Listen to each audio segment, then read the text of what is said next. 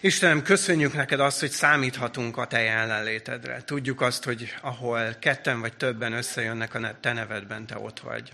Azért imádkozunk, hogy most nyisd meg előttünk a te akaratodat, a te üzenetedet és a te szeretetedet tölts ki ránk.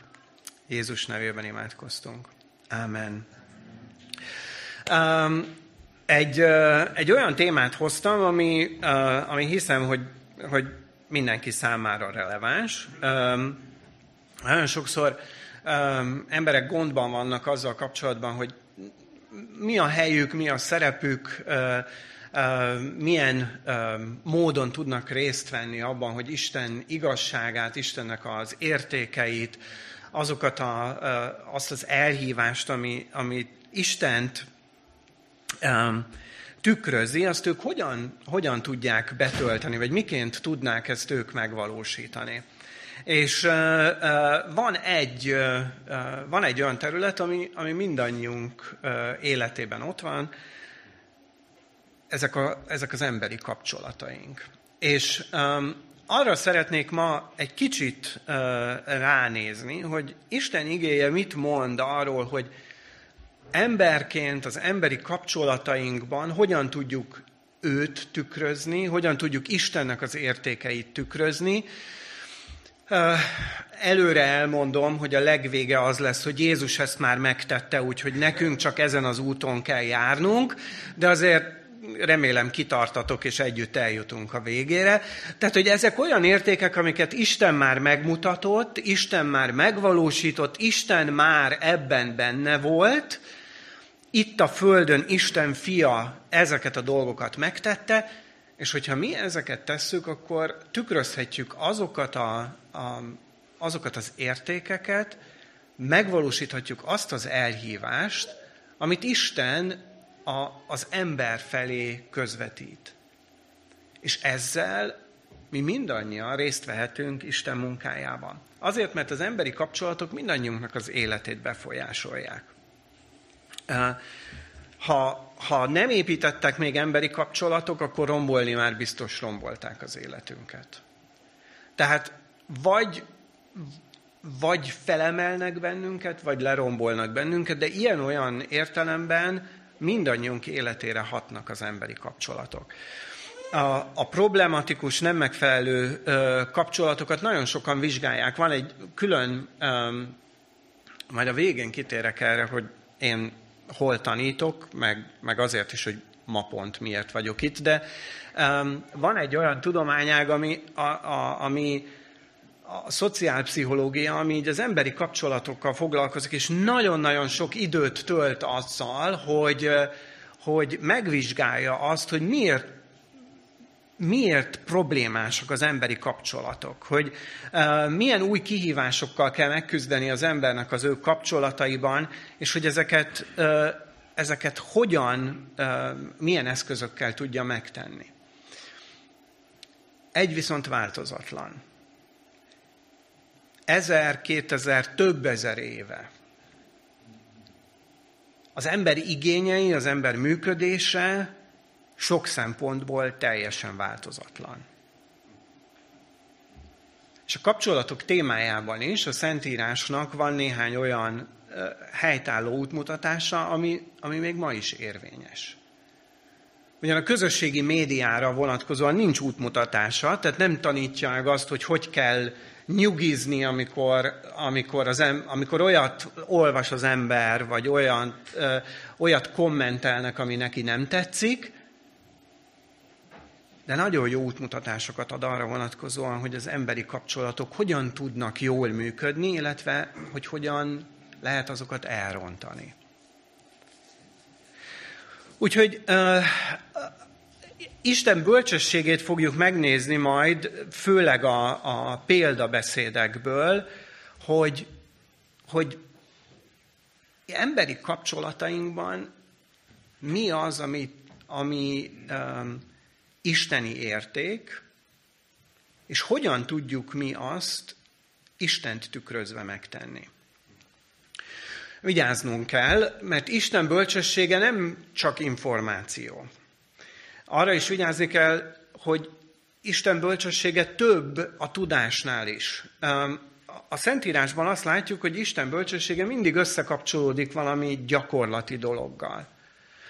Mindig tenni kell valamit, úgyhogy mindig ösztönöz is Isten arra, hogy tegyünk valamit, úgyhogy én azt remélem, hogy mindannyian úgy fogunk itt ma el, vagy innen ma elmenni, hogy késztetést érezzünk arra, hogy tegyünk valamit. Mert ez Isten bölcsességének az egyik jellemzője. Az mindig ösztönöz arra, hogy az ember tegyen is valamit.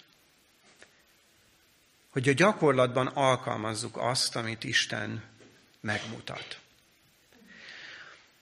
Van egy, van egy jól ismert német teológus, aki azt mondta, hogy, hogy Isten bölcsessége tesz bennünket alkalmassá arra, hogy a világot valóságosan tudjuk kezelni. Isten bölcsessége mutatja meg nekünk azt, hogy a világ valójában milyen. Hogy a világban lévő emberek valójában milyenek. És a példabeszédekből meg azt látjuk, hogy Istennek ez a bölcsessége már a világ teremtésétől fogva ott van Isten teremtésében, és hogyha nagyon költőjen fogalmazunk, és most úgy fogok, akkor, akkor Isten bölcsessége, mint kül- szálanként bele van szőve a világnak a szőttesébe. Nem lehet a világot úgy élni, hogy Isten bölcsességével ne találkoznánk. Vannak olyan motívumok, vannak olyan minták, amiket látunk a világ működésében, és a Szentírás azt mondja, hogy ez Isten bölcsességének a mintázata. Ez az, ami meghatározza, hogy hogyan tervezte el a világot Isten, és hogy hogyan működik um, ez a világ, és erre mutat rá a Szentírás nagyon sok esetben, és ezeknek az elfogadásával, meg ezeknek a megtartásával tud az ember a bölcsesség útján járni. Ezeknek a felismerésével tudjuk tényleg valóságos módon megismerni, vagy valóságos módon kezelni a világot. Ugye, um, mehetünk ez ellen, próbálkozhatunk azzal, hogy mi felismerjük ugyan a mintázatot, de nem fogunk, uh, nem fogjuk alkalmazni, ellene fogunk menni ennek. Um, um, amikor még fiatalok voltunk, és amikor még nem voltak gyerekeink, és volt személyiségünk, akkor lehetett, megvolt az a luxus, hogy kiteljesedjen a személyiségünk, akkor a feleségem meg én első házassági évfordulónk előtt eldöntöttük, hogy csinálunk együtt valami, valami, valami olyat, ami nagyon mi vagyunk. Pécset éltünk, körülnéztem, hogy mit tudunk csinálni, és néhány opcióval eléálltam, mondtam, hogy az egyetemen minden hétfőn van tánctanfolyam, el lehet menni, minden héten valamilyen más társas táncot meg lehet tanulni, egyszer keringő, egyszer tangó, én már tudok táncolni, te még nem, ez nagyon jó lesz így. Én nem érzem magam kisebb, vagy kisebbségi érzésem nem lesz ettől rosszabbul, és mondta, hogy hát ő közönség előtt nem táncol. És akkor mondtam, hogy jó, oké. A másik, amit találtam, az, hogy elmehetünk búvárkodni. Uh, Pécset, igen, igen, elmehetünk búvárkodni. Igen, a városi, az úszodában megtanítanak. Mi volt? Oké, okay. Az úszodában van egy tanfolyam, ott megtanulunk búvárkodni, utána nyílt vízen uh, megszerezzük az... E- Na mindegy, elmentünk, utána az Adrián búvárkodtunk. És nekem egy idő után rájöttem arra, hogy, hogy inkább elvállalja azt, hogy 30 méterre lemegy a víz alá, egy berendezéssel, mint hogy emberek előtt táncoljon. Ez jutott eszembe. A búvárkodás. Már nem a feleségem, a búvárkodás. Tehát el lehet, fel lehet ismerni azt, hogy a búvárkodáshoz kell felszerelés, kell hozzá oxigén, kell hozzá egy, egy tartály, kell hozzá kellenek hozzá súlyok, mindenféle más dolog, ami, ami lehetővé teszi azt, hogy lemenjünk és lent maradjunk a víz alatt. Ennek ez a, ennek ez a, a buvárkodásnak ezek a jellemzői. De elutasíthatjuk ezt. Megpróbálhatunk enélkül is buvárkodni, de nem jár sok sikerrel. Sőt, bele fogunk halni. A teremtett világnak vannak olyan tulajdonságai, ami ellen mehetünk. Egy ideig próbálhatunk az ösztöke ellen rugdalózni. Próbálhatunk, próbálhatjuk azokat a mintázatokat, Isten bölcsességének a, a, a dolgait nem figyelembe venni, figyelmen kívül hagyni, amik, amik befolyásolják az életünket, de egy picit mindig meghalunk, egy kicsit mindig belehalunk, és egy idő után lehet, hogy már nagyon is halottak leszünk. Mert létezik egy természetes rend. És hogyha ezt a rendet megszegjük, akkor ennek az eredménye bomlás, összeomlás, vagy akár halál lehet. Az isteni bölcsesség alkalmazása viszont megvédi az életet. De ez nem egyetlen egy lépés. Isten bölcsességének az alkalmazása nem egyetlen egy lépés. Szeretnénk azt hinni, hogy ez egy, ez egy mint a hétmérföldet lépő csizma. Nem tudom, ki emlékszik még ezekre a népmesékre. Isten bölcsessége nem ilyen. Nem arról van szó, hogy egyik nap nem vagyok bölcs, majd utána jön Isten bölcsességgel, lépek egy hétmérföldeset, és akkor hirtelen nagyon bölcs vagyok. A Szentírásban azt látjuk, hogy Isten bölcsessége apró, pici, sokszor unalmas, de rendszeresen ismétlődő lépésekből áll. Ami azt jelenti, hogy minden egyes döntésnél, minden egyes lehetőségnél döntök Isten bölcsessége mellett, vagy dönthetek Isten bölcsessége mellett, és e szerint, vagy ebben járok, e szerint élem az életemet. És ezernyi látszólag jelentéktelen lépés után mondhatom azt, hogy Isten bölcsessége az egy életút. És ezt írja a példabeszédek könyve három is, vagy a harmadik rész, ötödik, hatodik vers, bízál az Úrban teljes szívből, és ne a magad eszére támaszkodj, minden utadon gondolj rá, és ő egyengetni fogja ösvényeidet. Ez az életstílus, a bölcs élet, ez Isten megismerésével kezdődik. Ez egy, ez egy belső, ez egy láthatatlan folyamat, de ezek után az, ez az ezernyi apró lépés különböző élethelyzetekben, amikor tudatában vagyunk annak, hogy döntenünk kell, mert nagyon kevésszer vagyunk ám ennek tudatában, de, de amikor tudatában vagyunk ennek, akkor azt mondjuk, hogy na jó, most, most az isteni értékek szerint szeretnék dönteni, akkor ez már külső, látható nyomokat, folyamatot tükröz.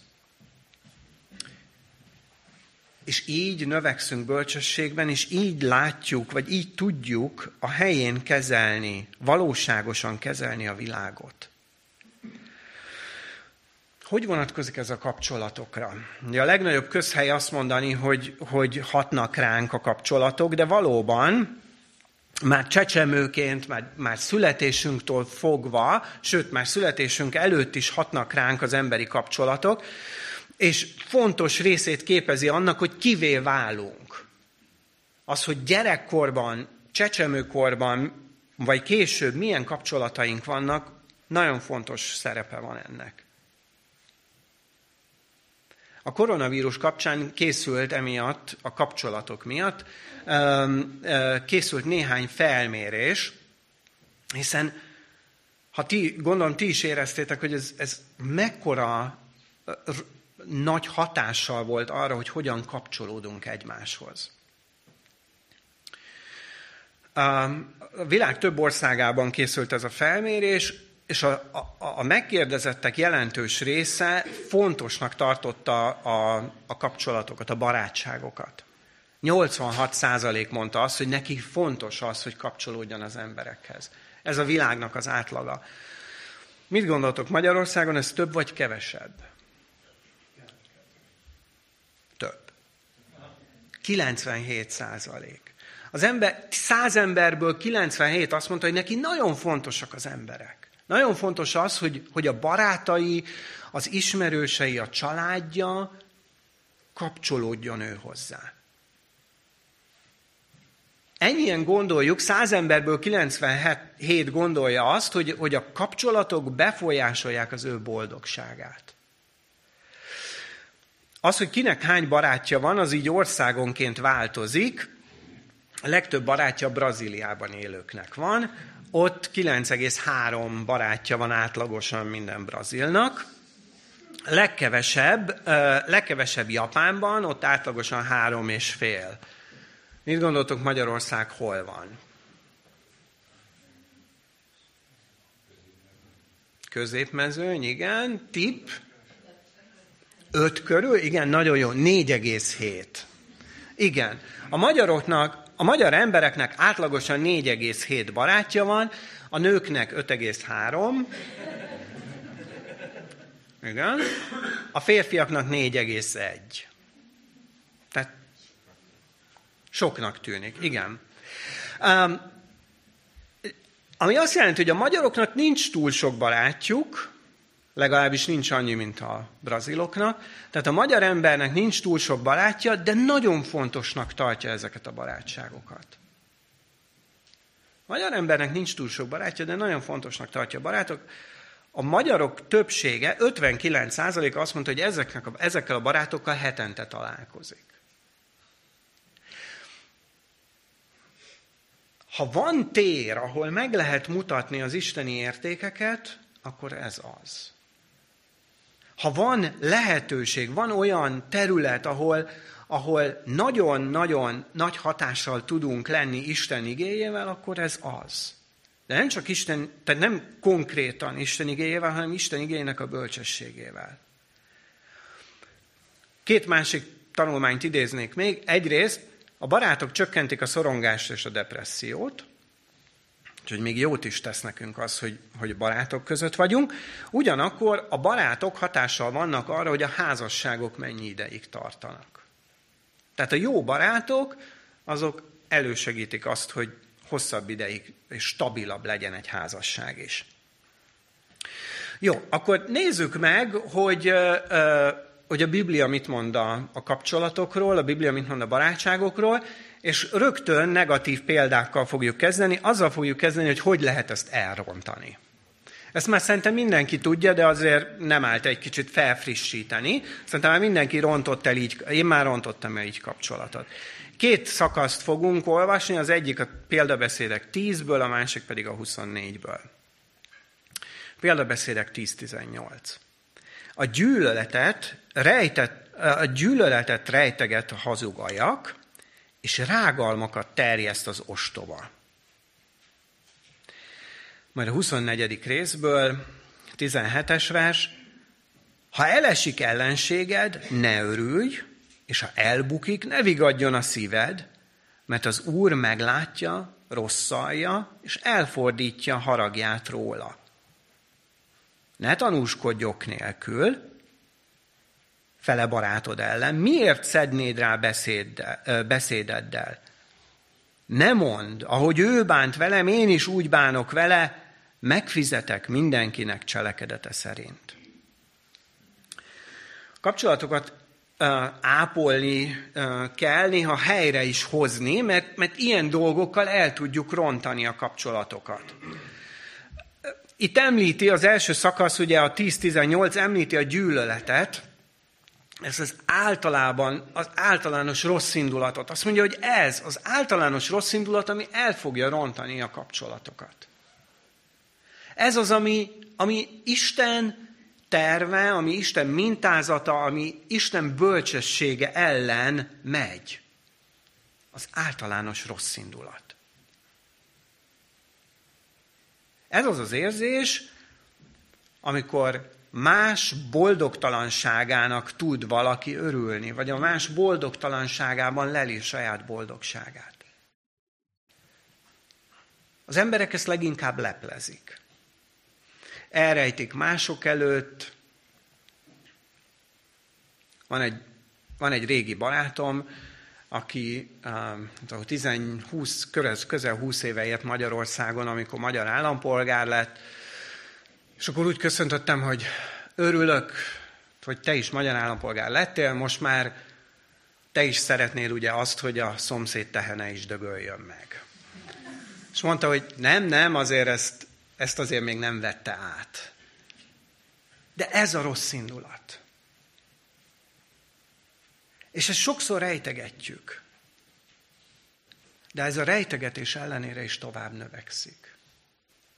Az, hogy nem veszünk róla tudomást, az nem jelenti azt, hogy ez ne fejlődne. Olyan, mint, mint egyetlen mint egyetlen makka tölgyfáról, ami, ami, ami képes utána kisebb tölgyessé nőni. És annak ellenére, hogy nem foglalkozunk vele, ez azért még fejlődik. És amikor akkorára nő, hogy már, uh, már nem tudjuk kezelni, akkor már e, a, ez azt jelenti, hogy, hogy, hogy az ember sokszor ilyenkor már rágalmazni kezd. Úgy kommunikál, hogy másokat le, lekicsinylő módon beszél róluk. És azt mondja a Szentírás, hogy ez ostobaság. Ez ostobaság. Ez nem bölcs dolog, ez ellene megy annak, amit Isten tervezett. Sőt, a második szakasz, amit olvastunk, azt mondja, hogy ilyenkor, ha ezt folytatja az ember, akkor pont azzá válik, ha tevőlegesen tesz ebbe az irányba, akkor pont azzá válik, akit ő maga útál, akit ő maga elítél. Mert személyiséget formál a gonoszság. Átalakítja azt, hogy, hogy mi milyenek vagyunk, és olyanná válunk, akiket mi magunk is gyűlölünk. De még az ennyire romlott kapcsolat is, az így megmérgezett kapcsolat is helyrehozhatók. Helyrehozható. Négy dolog kell a helyreállításhoz, ez mind a példabeszédek könyvéből majd fel fogjuk olvasni. Az egyik a, a fölérendeltségnek az elutasítása. A második felmenteni az embereket a kötelezettségek alól, a harmadik meggyőzni jóval a rosszat, és a negyedik szembesíteni szeretetben.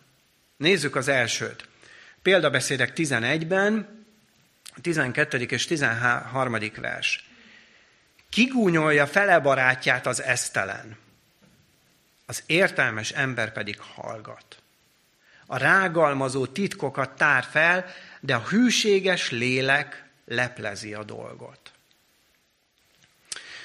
Ugye a fölé rendeltség elutasítása az első lépés a kapcsolatok helyreállításában.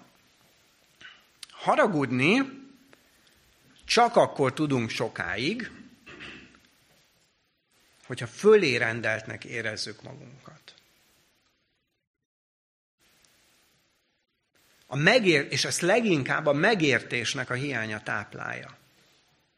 Ugye az, emberi, az embert az érzelmei, meg a különböző késztetései indítják arra, vagy erre a, erre a dologra, de az a, a fölérendeltség az, ami táplálja a fölérendeltség az, ami, ami megtartja ezt, ami azt mondatja veled, hogy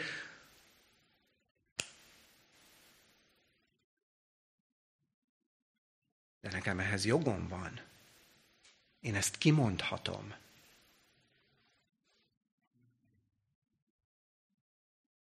És ez egy alapvető emberi hiba. És ezt nem elfogadni, és egy alapvető emberi hiba. Mindenki irányítani akarja az életét. És néha viszont szeretjük Isten helyébe helyezni magunkat.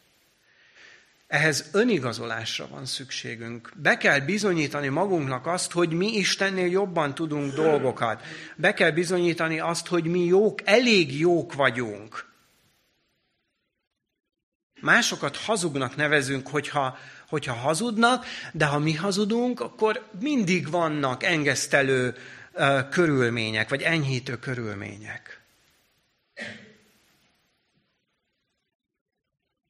Ezért tulajdonítunk sokat néha magunknak. Ugyanakkor mások hibáit pedig hajlamosak vagyunk eltúlozni.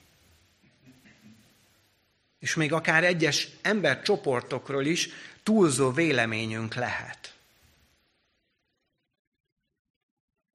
És ez a fölérendeltség, ez az, ami táplálja a gúnyt meg a rágalmazást. Azt írja, hogy kigúnyolja fele barátját az esztelen. Rágalmazó titkokat tár fel. Ennek az elutasítása az első fontos lépés, amikor az ember azt mondja, hogy nem vagyok jobb nálad. Nem vagyok jobb nálad. Együtt vagyunk bűnösök, együtt vagyunk esetlen és gyenge emberek. A következő lépés pedig felmenteni másokat a kötelezettségek alól. 17-es részből olvassuk el a 9-es verset, következőképpen hangzik, aki szeretetre törekszik, fátyolt borít a vétekre, de aki folyton arról beszél, elszakad a barátjától. Ugye elutasítom a fölérendeltséget, elutasítom azt, hogy én jobb lennék nálad, jobb lennék bárkinél, majd a következő lépés az, hogy fölmentem az embert, fölmentek másokat attól, vagy az alól, hogy helyreállítsanak dolgokat.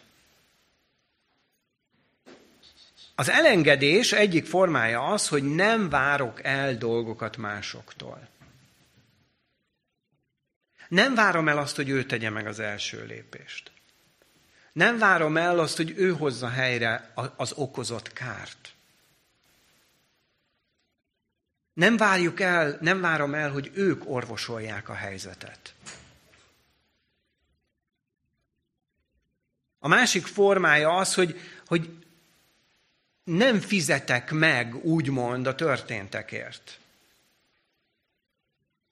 Ugye van nekünk egy ludas matyink, látva, jó, hát hogy volt-e vagy nem, az mindegy, meg egy döbrögink. Gyerekkortól kezdve, gyerekkorunktól kezdve az, arról hall, én gyerekkoromtól kezdve attól, arról hallottam, hogy, hogy milyen jó háromszorosan visszaadni valamit. Mennyire megelégítő az. És én is így éreztem, Ludas Matyit mindig néztem, és mindig hogy örültem, hogy háromszor visszaadta neki, és hogy mennyire... Oh! És ráadásul még olaszok is voltak benne, akik még magyarul se tudtak, hát ez nagyon megérdemelték. Tessék? Csak itt megy egy ilyen kommentár. A lelkész nehezen bírja ki, hogy vasárnap reggel ne beszélje. Um, és de ez ellene megy annak, amit Isten a világ működésébe beleszőtt. A világ működésébe Isten azt a bölcsességet szőtte bele, hogy ezeket engedjük el. Ne kérjük számon. Nem, hogy háromszor ne kérjük számon, vagy háromszor ne fizessük vissza, egyszer sem.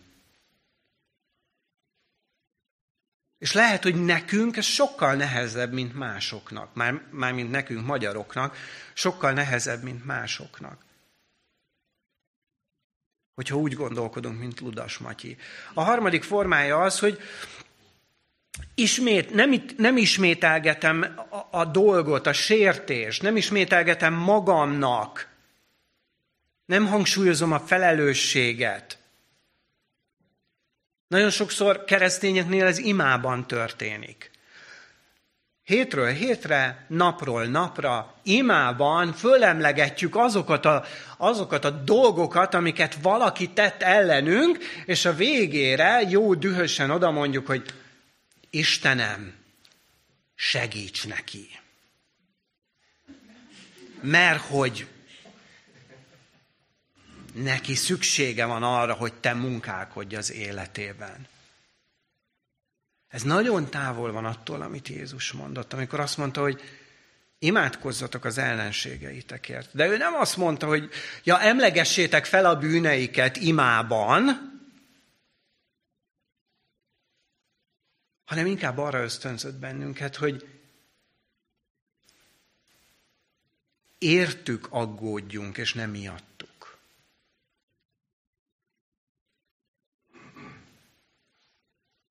Azaz nem ismételgetem ezt a sértést, ezt a bántást önmagam számára, nem ismételgetem ezt mások számára, nem mondom el ezt úgy, hogy figyelj, csak szólok, vagy imában, gyülekezetben, közösségben, hogy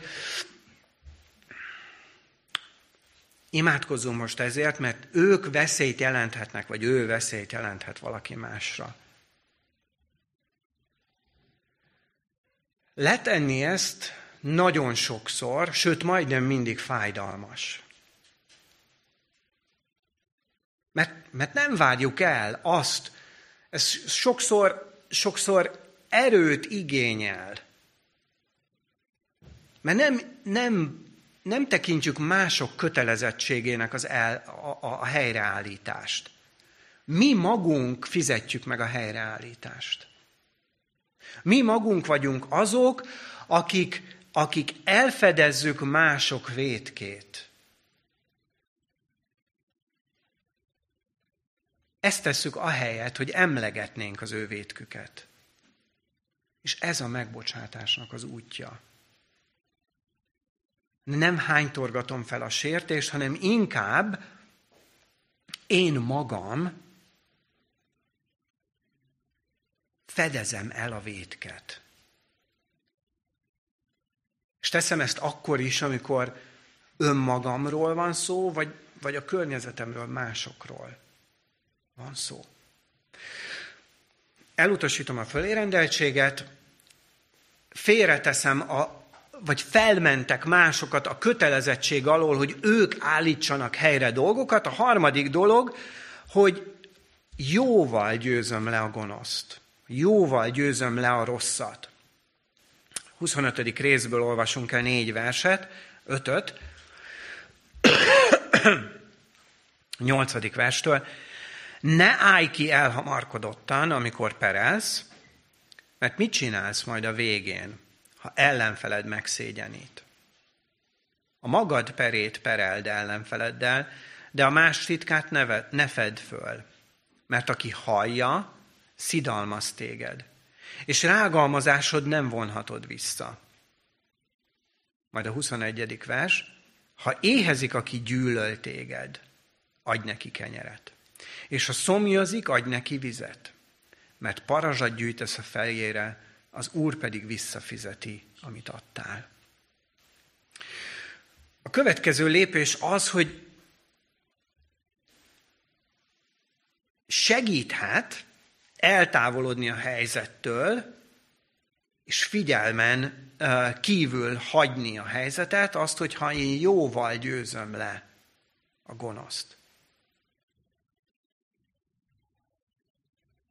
Ez segít nekem abban, hogy ne maradjon meg a rossz indulat. Ezzel segítek magamnak, mert a javát akarom. És át, a, úgy, ahogyan a gonoszság formálja a személyiségemet, a jó akarat szintén formál engem, és, és eljutok oda, hogy ő érte aggódok, nem ő miatta. Ő érte aggódok, és nem ő miatta. És ezután a három lépés után a negyedik, és ezt nem lehet megfordítani, tehát a negyedik nem lehet az első, a negyedik lépés az, hogy szembesítek embereket, szembesítem a barátaimat szeretetben. 27. részből olvassunk két ige verset. Jobb a nyílt feddés a titkolt szeretetnél. Jó szándékúak a baráttól kapott sebek, de csalárd a gyűlölködő csókja. De helytelen hagyni azt, hogy valaki továbbra is gonosz dolgokat tegyen. Helytelen, hogyha ezt veled teszi, helytelen, hogyha ezt másokkal teszi, szembesíteni kell az ilyen barátot, ismerőst szeretetben. De csak azután, hogyha az előző lépéseket megtettük. Mindezek a dolgok, ezek, ezek pszichológiai eszközök. Szentírás leírja, hogy az ember hogy működik, milyen a lélektana, de egyelőre arról még nem olvastunk, hogy ezt hogy lehet megtenni. Ezek jó kis eszközök, de, de honnan szerzünk ehhez erőt? A megbocsátáshoz lelki erő kell. Ahhoz, hogy én azt mondjam, hogy nem tőled várom azt, hogy helyreállítsd a helyzetet, hogy, hogy, hogy megtérítsd a kárt, hanem majd én meg, ehhez lelki erő kell. Ez az erő csak Istentől származhat.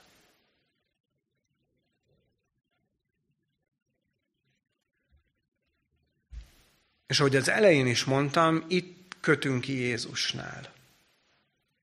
Jézus volt az, aki mindezt értünk, már megtette.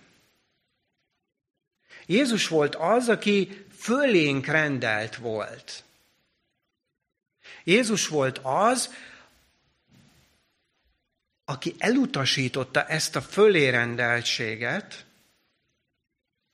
azért, hogy helyrehozza a kapcsolatainkat. Pál ír erről a filippieknek, és azt mondja, hogy Jézus Isten formájában volt, Jézus Isten formájában volt, de ezt nem tekintette zsákmánynak. Ez azt jelenti, hogy Jézus fölé rendelt volt az emberek fölött sokkal, de sokkal. De nem tekintette zsákmánynak, hanem megüresítette magát, és szolgai formát vett föl. Jézus volt az, az, aki ezt megtette, értünk,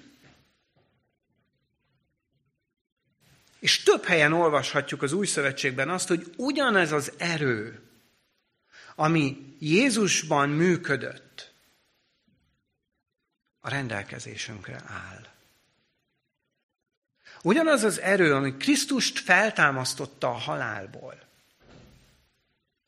aminek eredményeként Jézus azt tudta mondani, hogy nekem hatalmam van arra, hogy én az életemet letegyem, és akkor a többiek bólogattak, hogy aha, nekünk is, de én föl is tudom venni. Hmm, na, nekünk ilyen nincs. Pál azt mondja, na most már van. Halott a kapcsolatod? Meg, annyira megsérült, hogy, hogy már, már nem létezik? Ne aggódjál. Ugyanaz az erő, ami Krisztust feltámasztotta, ugyanaz a, a, az erő, ami Krisztus uh, Krisztusnak új életet adott, a ti rendelkezésetekre áll.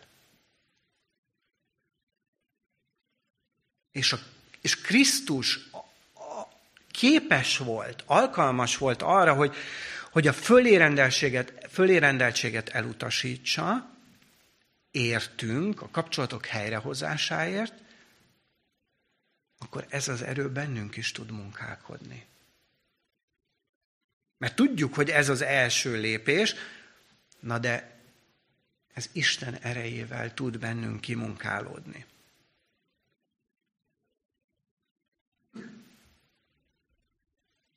De Krisztus nem csak ennyit tett.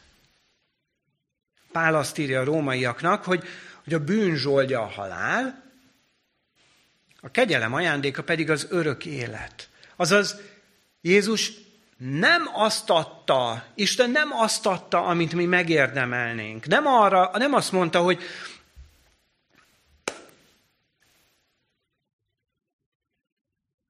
ti tönkretettétek a kapcsolatotokat Istennel. Ellene mentetek Isten akaratának. Ezért ti azt érdemlitek, hogy megfizessétek az árat. Ezért az elromlott kapcsolatért. Hanem pont az ellenkezőjét mondta, hogy na majd én. Átveszem ezt. Sőt, nem csak, hogy, nem csak, hogy én megfizetem helyettetek az árat, nem csak az, hogy nem számítok arra, nem tartalak benneteket felelősnek, azért, hogy, hogy helyre hozzátok ezt, és megfizessétek az árat, majd én megteszem, sőt meg is áldalak benneteket.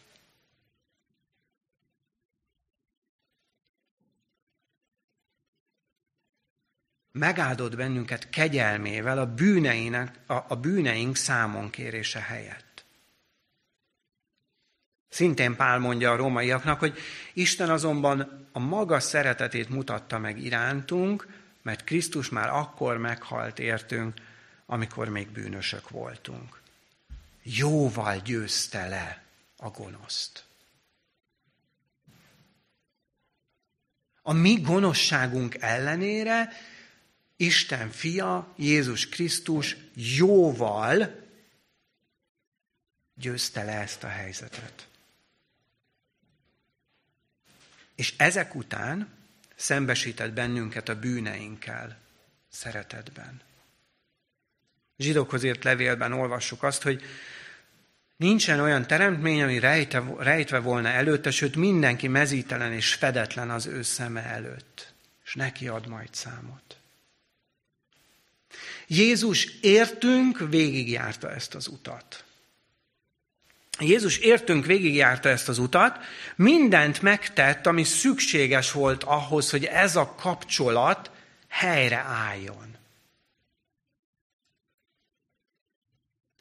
Minden olyan dolog megtörtént, minden olyan lépés megtörtént, ami szükséges ahhoz, hogy a romlott kapcsolat helyreálljon. A fölérendeltség, a fölérendeltséget elutasította. A kötelezettség alól felmentett bennünket.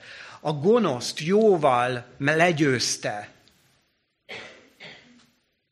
És szembesített bennünket szeretetben. És ezek után egyáltalán nem véletlen az, ahogyan rólunk nyilatkozik.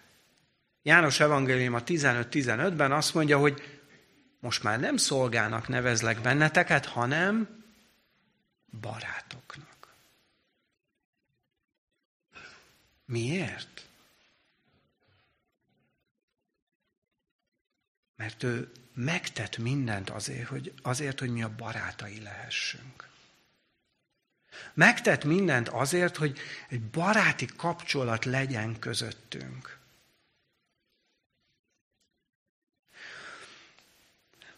És most, amikor majd, majd úrvacsorát fogunk venni, és a dicsőítő csapat jöhet erre, erre az áldozatra, erre a helyreállításra, erre emlékezünk az úrvacsora vétele által. Amikor az Úr azt mondja, hogy én hozok egy, létrehozok egy új szövetséget, az én vérem által, az én megtört testem által, azért, azért, hogy ti a barátaim lehessetek nem szolgáim, és ugyan örökbe fogadott benneteket az Atya, és befogadott benneteket Isten családjába, de ennél még többről van szó, egy választott kapcsolatról. Mert a barátság az egy választott kapcsolat. Nem beleszületünk a barátságba, hanem teszünk érte. És Krisztus azt mondta, ti a barátaim vagytok. Erre emlékezünk az ő megtört teste és az ő kiöntott vérével, vérére való emlékezéssel. Imádkozzunk most. Új Jézus, mi köszönjük neked, hogy te hajlandó voltál, kész voltál ekkora áldozatra, hogy amikor az Atya szeretete arra, arra indított, hogy, hogy megtegyen mindent, vagy megtegyél mindent azért, hogy, hogy az emberiséget vissza csatold hozzá, akkor te engedelmes voltál. Megtettél mindent, amit az atya akart, és nem tettél semmit, amit ő nem akart. És Uram, köszönjük, hogy nekünk ilyen példát mutattál. Köszönjük, hogy előttünk kitapostad ezt az utat, és tudhatjuk, hogy ez lehetséges, hogy emberek millióit hoztad vissza magadhoz.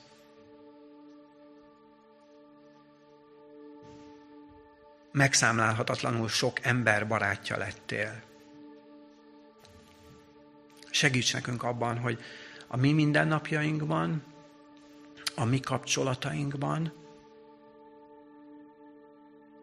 akár azzal a négy-öt emberrel, akiket barátainknak nevezünk, akár a szélesebb, tágabb környezetünkkel, meg tudjuk osztani azt a, az isteni mintázatot, ami a barátságokra, ami Isten akaratára, a megbocsátásra vonatkozik. És segíts nekünk, amikor ez nehéz. Segíts nekünk akkor, amikor, amikor többnek érezzük magunkat másoknál. Segíts nekünk megalázkodni. Segíts nekünk akkor, amikor úgy érezzük, hogy másnak kellene fizetni, nem nekünk. Segíts, hogy áron meg tudjuk venni a lehetőséget.